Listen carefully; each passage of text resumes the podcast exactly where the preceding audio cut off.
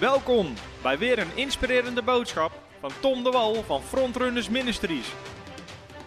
We bidden dat je via deze aflevering geïnspireerd wordt in je leven met God en opgebouwd wordt in je geloof. Oké, vanavond wil ik kort spreken. En het thema van mijn boodschap is de boodschap waar demonen een hekel aan hebben. En je mag met me meegaan naar Marcus hoofdstuk 1. En we gaan kijken naar een gemiddelde dag in het leven van Jezus. De boodschap waar demonen een hekel aan hebben. En we gaan wel een stukje lezen van Marcus hoofdstuk 1, vers 21. Gaan we lezen tot en met vers 39. Dat is echt schitterend. Voor de mensen die misschien wat minder bekend zijn met de Bijbel. We hebben vier evangeliën, Matthäus, Marcus, Lucas en Johannes. En allemaal vertellen ze hetzelfde verhaal, maar leggen ze verschillende nadruk of accent of een andere belichtingshoek.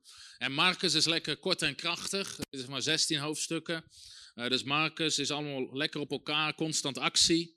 En uh, daarvan gaan we een stuk lezen. Marcus hoofdstuk 1 vanaf vers 21. Dat zegt de Bijbel. En zij, en het waren de discipelen en Jezus, kwamen in Capernaum. En op de Sabbat ging hij meteen naar de synagoge en gaf onderwijs. En ze, de mensen die waren aan het luisteren, die daar waren, stonden versteld van zijn onderricht. Want hij onderwees hen niet als, of hij onderwees hen als gezaghebbende, niet zoals de schriftgeleerden. Nu was er in hun synagoge een man met een onreine geest. Of met een boze geest, of met een, of een demon, zegt een andere vertaling. En die schreeuwde, ga weg. Wat hebben wij met u te maken, Jezus de Nazarener? Bent u gekomen om ons te gronden te richten? Ik weet wie u bent, namelijk de heilige van God. In een andere evangelie schreeuwt, u bent u gekomen om ons te gronden te richten voor de tijd er al is. En Jezus bestrafte hem en zei, zwijg, ga uit hem weg. En de onreine geest deed hem stuiptrekken en ging roepend met een luide stem uit hem weg. En ze waren alle verbaasd, zodat zij elkaar vroegen: Wat is dit? Wat voor een nieuwe leer is dit? Dat hij ook de onreine geesten met gezag bevel geeft en ze hem gehoorzaam zijn. En het gerucht verspreidde zich meteen in heel de omgeving van Galilea. En toen ze uit de synagoge gegaan waren, gingen ze meteen naar het huis van Simon en Andreas, met Jacobus en Johannes. En de schoonmoeder van Simon lag met, het lag met koorts op bed. En zij spraken meteen met hem over haar. Hij ging naar haar toe, pakte haar hand op, richtte haar op en meteen verliet de koortsaar. Iedereen zegt meteen. Meteen verliet de koortsaar en zij diende hem. Toen het nu avond geworden was en de zon onderging, brachten ze bij hem allen die er slecht aan toe waren. En hen die door demonen bezeten waren. En heel de stad had zich verzameld bij de deur. En hij genas er velen die door allerlei ziekten slecht aan toe waren. En hij dreef veel demonen uit. Hij liet de demonen niet toe te spreken omdat zij hem kenden. En s'morgens vroeg, nog diep in de nacht, stond hij op en hij ging naar, naar buiten en begaf zich naar een eenzame plaats en bad daar. En Simon en die bij hem waren, gingen hem achterna. En toen ze hem gevonden hadden, zeiden ze tegen hem, iedereen zoekt u. En hij zei tegen hen, laten wij naar de naburige plaatsen gaan, opdat ik ook daar predik. Want daarvoor ben ik uitgegaan. En hij predikt in hun synagoge door heel Galilea en hij dreef de demonen uit. Amen, tot zover. Eigenlijk, uh, dit eerste hoofdstuk van Marcus, je ziet Marcus, die gaat er meteen volop op in. En hij beschrijft dat bediening toen Jezus startte met zijn bediening, wat Jezus toen deed. En tot en, met, eigenlijk tot en met vers 38 gaat slechts over één dag. Jezus ging naar de synagoge, meteen naar de schoonmoeder. En diezelfde avond brengen ze die hele massa's mensen bij hem. En de Bijbel zegt er was iets anders aan het onderwijs van Jezus. Want hij gaf onderwijs maar het was met gezag. Het was met autoriteit. Het was met kracht. Er was een verschil tussen Jezus en de andere fariseeën en de schriftgeleerden die daar normaal spraken. Het verschil was, Jezus heeft gezag. Hij weet waar hij het over heeft. Hij heeft autoriteit. Wat hij zegt gebeurt ook. En dat is het verschil ook. Weet je, eigenlijk, het was geen religie. De Bijbel zegt over religie, het heeft een schijn van godsvrucht, maar er zit geen kracht in. Dus dingen kunnen religieus lijken, maar ik vind dat zo mooi. Als het gaat om het woord van God. Het woord van God gaat altijd gepaard met kracht. Eén iemand is het ermee eens? Goed zo, broer. Amen, meer. Het woord van God gaat altijd gepaard met kracht. Als er geen kracht achter zit, moeten we iets veranderen aan wat we prediken. De Bijbel zegt, toen Jezus opgevaren was naar de hemel, Marcus hoofdstuk 16, de discipelen gingen heen, zij predikten en de Here werkte mee met machtige wonderen en tekenen. Dus God bevestigde zijn woord. En het woord van God wordt altijd bevestigd met de kracht van God. En de boodschap die Jezus predikte, had zo'n gezag. En weet je, die demonen hadden een hekel aan die boodschap. En straks gaan we kijken, wat was die boodschap? Zo'n hekel dat ze midden tijdens de preek beginnen te schreeuwen. Ga weg, wat hebben we met jou te maken? En een andere vertaling zegt, dus ben je gekomen om ons te pijnigen voor onze tijd? Dit is hilarisch als je erover nadenkt. Want de Bijbel zegt in Jacobus dat de demonen weten wie God is. En als ze aan hem denken, sidderen ze van angst. Ze beseffen dat ze geen schijn van kans hebben tegen de Allerhoogste God die hemel en aarde gemaakt heeft. Ze sidderen van angst. Zeg eens, ze sidderen van angst. Nou, en demonen en ook de duivel zijn niet alwetend. Dat moet je weten, omdat ze denken dat de duivel alwetend is. Nee, hij is een gevallen aartsengel, hij is niet alwetend. Hij weet niet alles, want had hij Jezus niet gekruisigd. Hij weet ook niet alles wat in jouw leven gaat gebeuren of dat soort dingen. Sommige mensen hebben te veel macht aan de duivel toegekend en te weinig aan Jezus, de Zoon van God. Amen. Maar die demonen, ergens, ze weten wel bepaalde dingen. En de Bijbel zegt dat God heeft een tijd bepaald dan, en dan is daar het eindoordeel. En dan zullen ze in de hel geworpen worden en dan volgt het oordeel op de Satan en de demonen. En ze weten dat, ze weten dat ze verloren hebben. Ze weten dat er een dag komt dat God oordeelt. En het hilarische aan dus dit verhaal is eigenlijk dat die demonen weten, er komt een dag dat wij onze kracht verliezen hier op aarde en dat we geoordeeld worden. Alleen zij dachten dat dat helemaal aan het eind zou zijn, dat in één keer klaar zou zijn en dat dat moment was. Maar de God die het oordeel over hen had uitgesproken, waarvan ze hadden verwacht dat komt aan het eind van de tijd, die verschijnt in één keer in die synagoge en die begint te prediken in de vorm van zijn zoon. En die demonen zijn stom verbaasd. En die, dan beginnen ze te roepen, ga weg. Wat hebben, ben je gekomen om ons te pijnigen voor onze tijd? Ze weten hun toekomst, amen. En jij weet hun toekomst ook. Dus ze waren totaal in de war toen ze Jezus zagen. En Jezus had autoriteit over die demonen.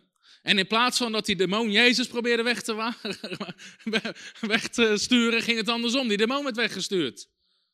Het pakt altijd anders uit dan ze denken. Dus Jezus stuurde die demon eruit. Dat is ook interessant. Jezus stuurde niet de man uit de synagoge. Dat is in sommige kerken. Weet je, oei, oei, er gebeurt ooit heel vreemds, weet je, doet rare dingen. Broer, misschien is het tijd dat je een andere kerk gaat zoeken.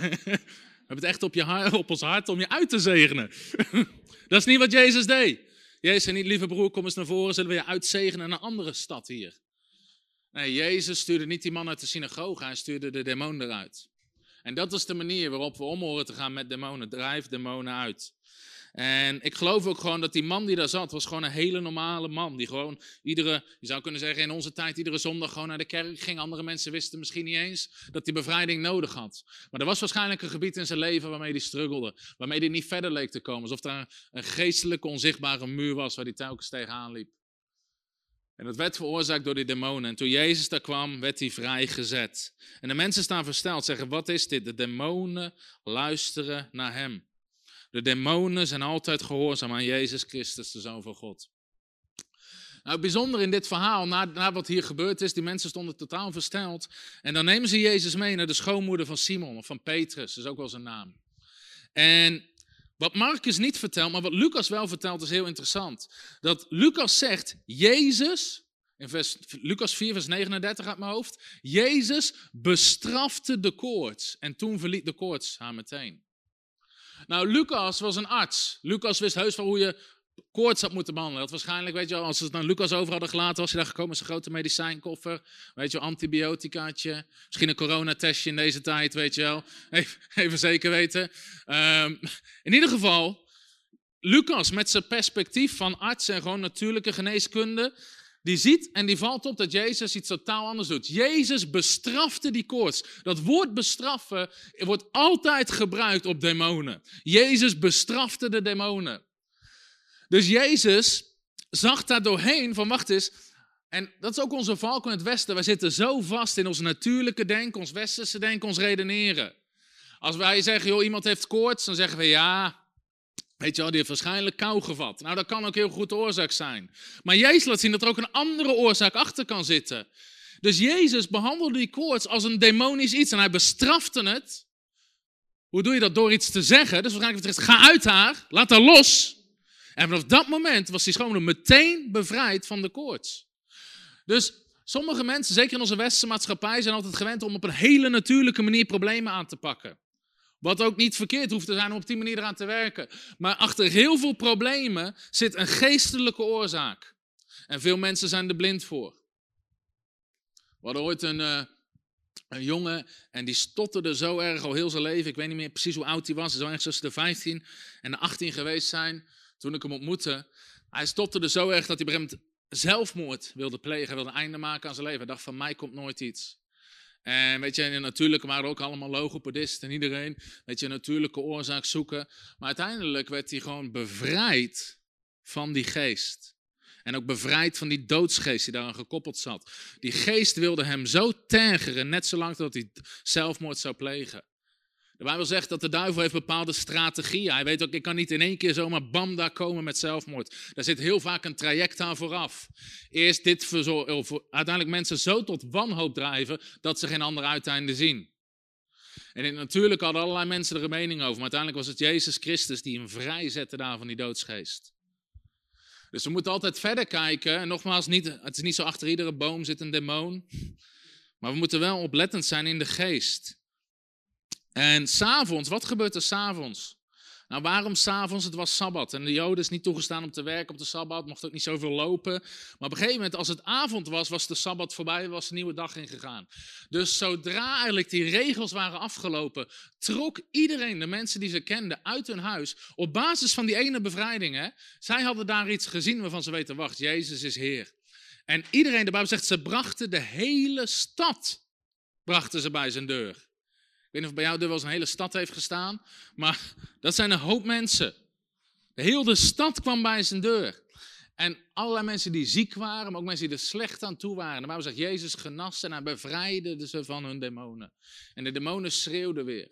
Hij stond ze niet toe om te praten. Dus als je kijkt naar de, gewoon hoeveel mensen blijkbaar daar ook bevrijding nodig hebben. Was niet zo van, ook in ons westerse denken, weet je, wij denken soms, joh, in Afrika, daar zitten veel demonen. Hè? Jongen, jongen, jongen. Altijd als je verhalen hoort over zendelingen die in Afrika gaan, kom altijd terug met verhalen over demonen. Waarschijnlijk zijn ze allemaal ooit geëmigreerd. toen de Westelingen er niet meer in geloofden, zijn ze allemaal met de boot naar Afrika gegaan, want daar was meer werk voor ze. Ik kan je vertellen, dat is niet hoe het is. De demonen vinden het heerlijk als mensen onwetend zijn. Ze vinden het heerlijk als mensen alleen naar het natuurlijke kijken. En daar oorzaken zoeken. Want mensen komen nooit vrij van de echte oorzaak van hun problemen. Dus misschien dat er wel demonen van Afrika hier zijn gegaan. Zeggen, jongen, jongen, jongen, moet je daar nou kijken. Daar geloven ze niet meer ons. Daar hebben we pas ruimte. ze zijn de andere kant op geëmigreerd. In ieder geval, zelfs in die stad waren er ontzettend veel mensen die bevrijding nodig hadden. En dat is vandaag de dag, is dat niet anders. En je ziet Jezus ook mensen van allerlei soort problemen bevrijden. Kijk, die man in Marcus 5, die daar door die grafstenen loopt met kettingen, die zichzelf slaat, weet je wel. Daarvan zouden we ook zeggen, ja, die, is niet helemaal lekker. Weet je, dat zouden wij ook vinden. En Jezus bevrijdde hem ook van demonen. Het maakte niet uit voor Jezus hoeveel het er waren. Soms zeggen mensen, ja, maar broer, weet je, die en die heeft misschien wel honderd demonen. Gefeliciteerd. Er is één zoon van God en hij heeft ze allemaal ontwapend. Amen. Wees niet zonder de indruk van de duivel. Maar Jezus bevrijdt ook gewoon die man die in de synagoge zit. Hij bevrijdt in Lucas 13 die kromgebogen vrouw. Keer op keer beschrijft de Bijbel gewoon hoe Jezus gewoon mensen bevrijdde van allerlei verschillende dingen. Maria Magdalena werd van zeven demonen bevrijd. Lucas 8 was een gewoon een normale Joodse vrouw. Dus ik geloof niet dat demonen uitgestorven zijn. Sterker nog, je ziet dat ze ontzettend hard aan het werk zijn om mensenlevens kapot te maken, want dat is wat ze willen. En dat is wat ze doen. Jezus zegt, de duivel komt om te roven, te stelen en te vernietigen. Hij is een mensenmoordenaar vanaf het begin. Zo erg in onze westerse maatschappij, zo vaak spreken mensen zeggen, ja, weet je, en kijk dan naar die en die, dat is dit en dit overkomen. En waarom heeft God dat gedaan? Dat is helemaal de verkeerde vraag. De vraag is waarom heeft de duivel daar zoveel ruimte gekregen? Waarom was er niemand die voor die persoon gebeden? Waarom, waarom zijn we er niet doorheen gebroken in de geest? Jij zegt het is de duivel die een mensenmoordenaar is. Altijd als het gaat om moord of vernietiging of dingen die gestolen en kapot gemaakt worden in mensenlevens. God is daar niet de bron van. God is daar nooit de bron van. De Bijbel zegt in Jacobus hoofdstuk 1 dat God alleen de goede gaven van, komen van de volmaakte Vader uit de hemel. Al het goede komt van boven. En het is de duivel die vanaf het begin af aan mensen kapot wil maken. En um, wat was nou die boodschap? Wat predikte Jezus daar nou in die synagoge, waardoor die demonen eigenlijk helemaal door het lint gingen, zou je kunnen zeggen? Nou, uit dit verhaal kunnen we niet lezen wat Jezus predikte, maar als we in de andere evangelie, in Lucas, Lucas vertelt wat meer detail, heeft ook meer hoofdstukken, die vertelt ons wat Jezus predikte. En wat Jezus predikte was een boodschap uit Jezaja 61, en die wil ik even gaan lezen. Jezaja 61, vers 1 tot en met 3.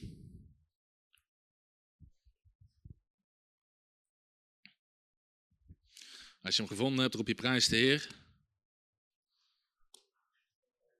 Oké. Dat waren de iPhone-mensen.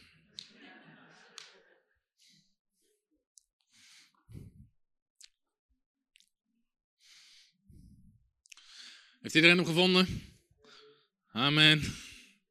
En je hebt een iPhone. Even geen verbinding, denk ik. Isaiah 61. Het is oké om te lachen, toch? Ja? Jesaja 61 vanaf vers 1. De geest van de Heere, Heere is op mij. En in Lucas 4 lezen we dat Jezus dit predikt en zegt, dit gaat over mij. Dat is wat Jezus zei, dit gaat over mij. De geest van de Heere, Heer is op mij, omdat de Heere mij gezalfd heeft. Het spreekt over de kracht van de Heilige Geest. Jij zegt, de kracht van de Heilige Geest is op mij, om een blijde boodschap te brengen aan de zachtmoedigen.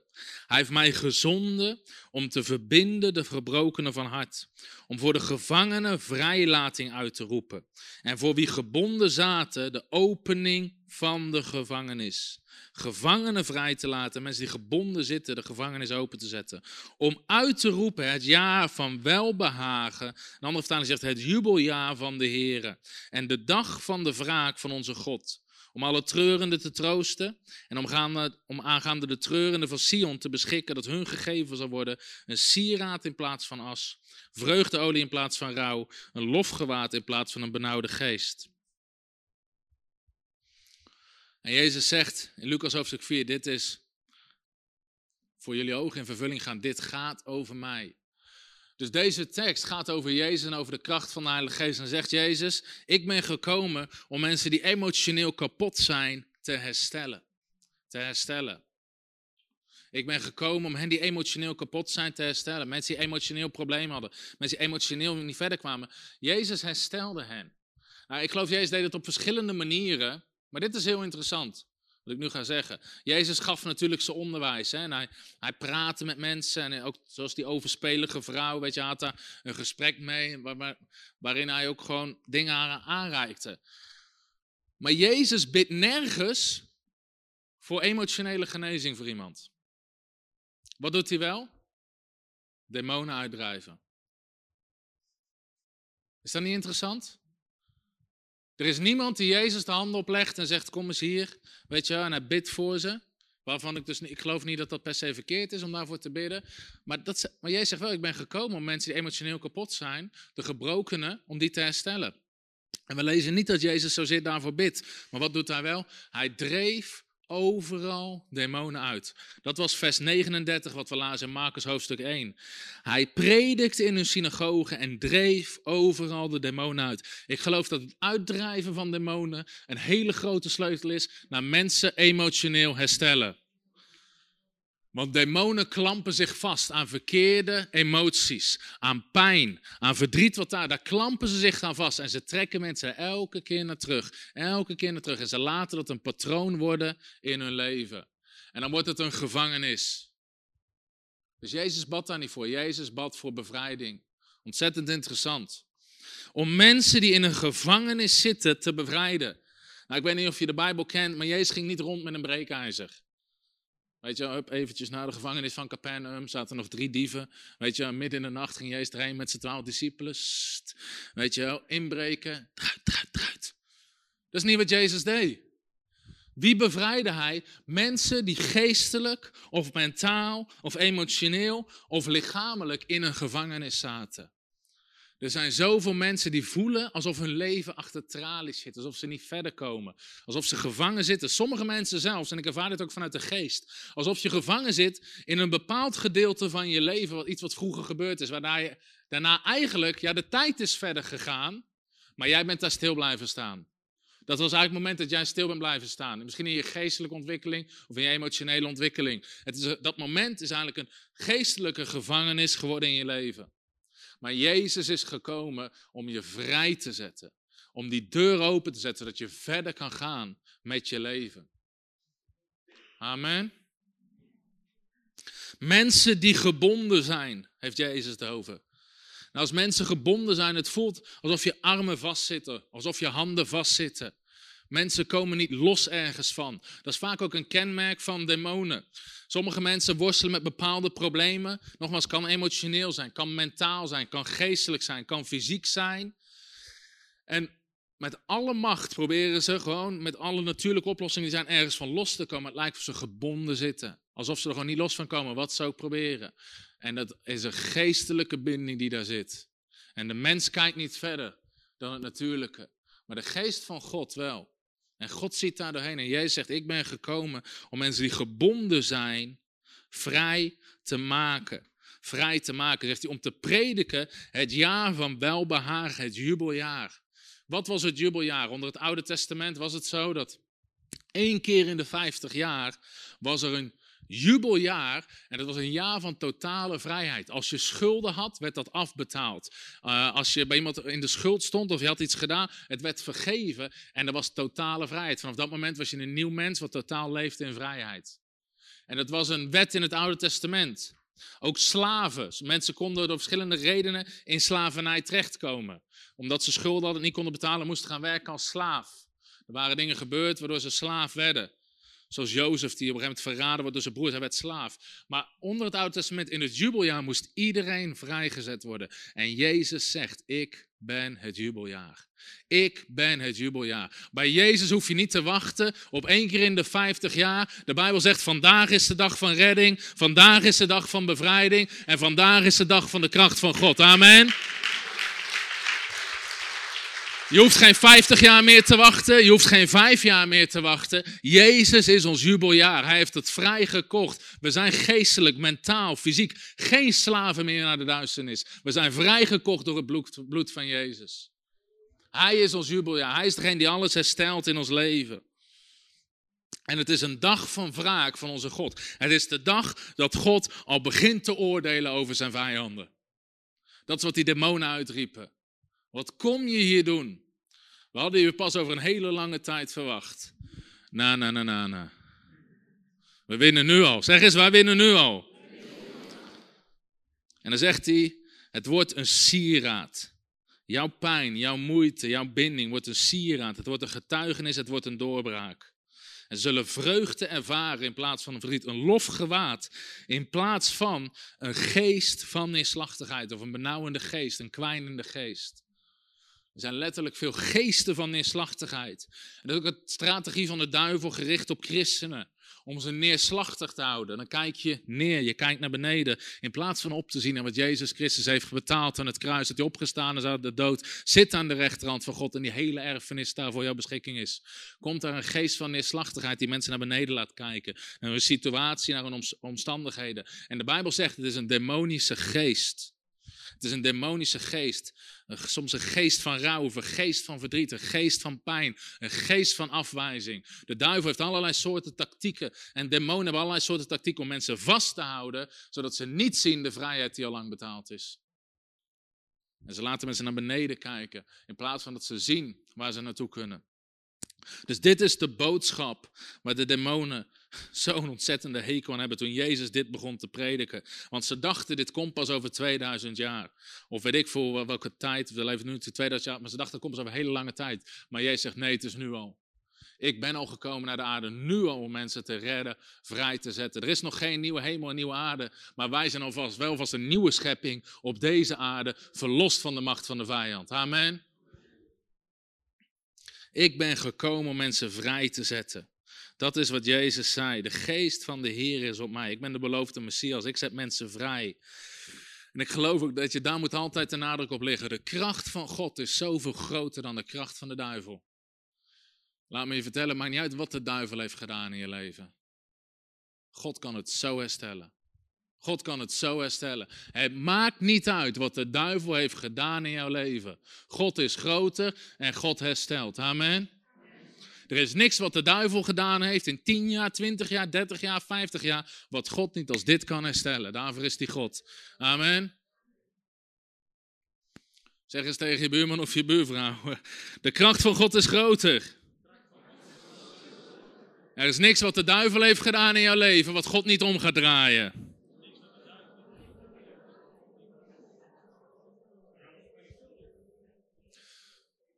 Inderdaad, hij gaat het zelfs vermenigvuldigen. De Bijbel spreekt over een dubbel deel. En de Bijbel zegt in Joel hoofdstuk 2, alle jaren die gestolen zijn, zal de Heer je vergoeden. Amen. Geloof je dat God de jaren die gestolen zijn gaat vergoeden? De duivel heeft spijt van de dag dat hij de kans misschien had om je te doden, dat hij het niet gedaan heeft. Want nu is het te laat. Zeg eens, het is te laat. Halleluja. Halleluja. Ik voel de kracht van God hier. We switchen van hoop naar geloof. Sommige mensen zeggen, komen, ik hoop dat ik van... Nee, nee, nee. Nee, vandaag is jouw dag. Niet ik hoop, misschien, wie weet. Vandaag is jouw dag. Zeg eens, vandaag is mijn dag. Halleluja. Net zoals dat leger van de vijand in Egypte. Die dacht van, we gaan er wel even achteraan. Mooi niet. God verdringt de vijand vandaag. Amen. Iedere duivel, iedere demon die na vandaag nog achter je aan probeert te komen, zal verdrinken in de zee in de machtige naam van Jezus Christus. Halleluja. Waar je vanavond ook mee gekomen bent, de oplossing is in Jezus. Het emotioneel is. Sommige mensen zitten vast in wrok, in haat, in boosheid, in angst, afwijzing, zelfmedelijden, depressie, wat het ook is. Of geestelijk. Sommige mensen zitten geestelijk, zijn verward of kunnen geen besluiten maken. Er zijn geestelijke dingen waardoor ze vastlopen. Maar vandaag is er vrijheid. Sommige mensen hebben letterlijk spraakproblemen die door demonen veroorzaakt worden. Ik zei het al. Halleluja. Dank u voor vrijheid. In de naam van Jezus. Halleluja. Halleluja. Ze gaan er al uit. Halleluja. Halleluja. Vandaag is een dag van vrijheid. Sommige mensen hebben spraakproblemen, liegen. Sommige mensen vloeken, hebben gewoon hun tong niet onder controle. Uh, kritiek, spotternij, roddel, dat soort dingen. Seksuele problemen. Terugkerende onreine gedachten, handelingen. Dat soort dingen. Verslavingen, lichamelijke dingen. Fysieke problemen zoals in Lucas 13, die vrouw. Ik geloof ook vanavond, mensen gaan genezen worden in hun lichaam zijn mensen lopen al 10, 20 jaar met een bepaald probleem in hun lichaam. Er is gebeden voor genezing, maar de oorzaak is een geest van ziekte, is een ziektemacht. En vandaag verlaat hij in Jezus' naam. Jezus is gekomen om mensen vrij te zetten. 1 Johannes 3, vers 8. Hiertoe is de Zoon van God geopenbaard. Dat hij de werken van de duivel vernietigen zou. De werken van de duivel vernietigt hij. Halleluja. Weet je, en dat is ook wat we vanavond gaan doen. De Bijbel zegt, weet je, Jezus deed dat toen in Marcus, maar de Bijbel zegt in, in Hebreeën 13 vers 8, Jezus is dezelfde. Gisteren, vandaag en tot in eeuwigheid. Daarom hou ik niet over allerlei doctrines die mensen zeggen, ja, we leven in een andere tijd. We leven in een andere tijd, maar we hebben dezelfde Jezus, halleluja. Hij is dezelfde, gisteren, vandaag en tot in eeuwigheid. Hij is niet afgenomen in kracht, er is niks veranderd. Hij heeft ons autoriteit gegeven. Lucas 9 vers 1. Deze moet je even opzoeken. Lucas 9 vers 1. Demonen sidderen gewoon als ze deze tekst horen. Halleluja. Lucas 9 vers 1. Amen. En hij riep zijn twaalf discipelen bij hen. En wij zijn ook zijn discipelen. En we lezen ook dat hij dit gaf aan het eind in Marcus 16 aan iedereen. En gaf aan hen kracht en macht over demonen.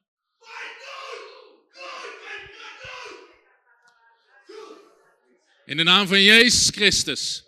Ik zet je vrij op dit moment. Iedere onreine geest, laat hem los. In Jezus' naam. Halleluja. Halleluja. Zeg eens, Jezus is Heer. Halleluja. Halleluja. Drijf demonen uit. Dat is de opdracht van Jezus. Dat is de opdracht van Jezus. Ik wil kort, voordat we gaan bidden voor bevrijding, gaan we kort door de deuren heen lopen. Weet je, je merkt in de geest is een strijd gaan, amen. In de geest beginnen er dingen te gebeuren. De duivel wordt zenuwachtig. En terecht. Want Jezus is Heer. Halleluja. Ik wil kort even door de open deuren heen lopen. Ik ga in ons onderwijs geven de 20, ik geef vanavond eigenlijk de 10 grootste. Gewoon, en dat is niet van, ik moet per se weten waar iets binnen is gekomen. Sommige mensen weten dat, sommige mensen herkennen het, soms openbaart de geest. Het is prima. Als je dat weet, is het goed, kan, weet je, dan kan je die deur ook dicht doen. Nou, als je niet weet, is ook niks aan de hand. Ik heb veel meer mensen bevrijd van ik gewoon niet wist waar, waardoor het kwam. Ook omdat je soms niet de gelegenheid hebt om met iemand te praten of wat dan ook. Um, maar dat maakt niet uit. Het is meer voor jezelf om te weten waar er is iets binnengekomen. Soms om een deur dicht te zetten, soms om je ergens van af te keren. En vooral om de deur daarna dicht te houden. Amen. Want er zit een verschil tussen bevrijd worden en bevrijd blijven. Want de Bijbel leert ons dat een demon wil terugkeren, Matthäus hoofdstuk 12. Die geest wil terugkeren en probeert anderen met zich mee te trekken. En dan vindt hij dat huis nog steeds en de deur staat open. Hij kan er zo weer binnenlopen. Daarom moeten we die deur dicht doen. Halleluja. Oké, de Bijbel zegt in Prediker 10, wie een gat slaat in een muur, een slang zal hem bijten. Weet je, we hebben geestelijke muren in ons leven. En ook emotionele muren. bijvoorbeeld, het kan zijn, dat stel je voor dat iemand scheldt je altijd uit. Nou, wat ga je dan doen? Je gaat diegene ontwijken. Je gaat je niet gewoon altijd uit laten schelden. Uh, dus je hebt daar een muur, heb je daar gewoon in het natuurlijke die je daar opbouwt. Je gaat daar iets mee doen of je zegt er iets van of wat dan ook. Je hebt daar een muur. In het geestelijk is hetzelfde. Alleen, er kunnen gaten komen in die muur. Door dingen die gebeuren in ons leven, waardoor de bescherming weg is. En dan zegt hij een slang zal hem bijten. Demonen zijn vieze dingen. Die proberen om binnen te komen in gaten die in mensen levens geslagen zijn. Hallo, Tom de Wal hier en bedankt dat je weer geluisterd hebt naar onze podcast. Ik bid dat het je geloof gebouwd heeft en je bemoedigd bent. Als je niet alleen een luisteraar van onze boodschap wil zijn, maar ook een verspreider daarvan, wil ik je uitnodigen om partner te worden van Frontrunners. Door jouw maandelijkse donatie help je ons om dit evangelie van Jezus Christus en het woord van God over heel de aarde te brengen. Om partner te worden, ga naar www.frontrunnersministries.nl slash partners en word partner. Hartelijk bedankt en tot snel. Heb je ook zo genoten van deze inspirerende boodschap van Tom de Wal? Abonneer je dan op deze podcast. Volg ons op Facebook en op Instagram en kijk op onze website frontrunnersministries.nl.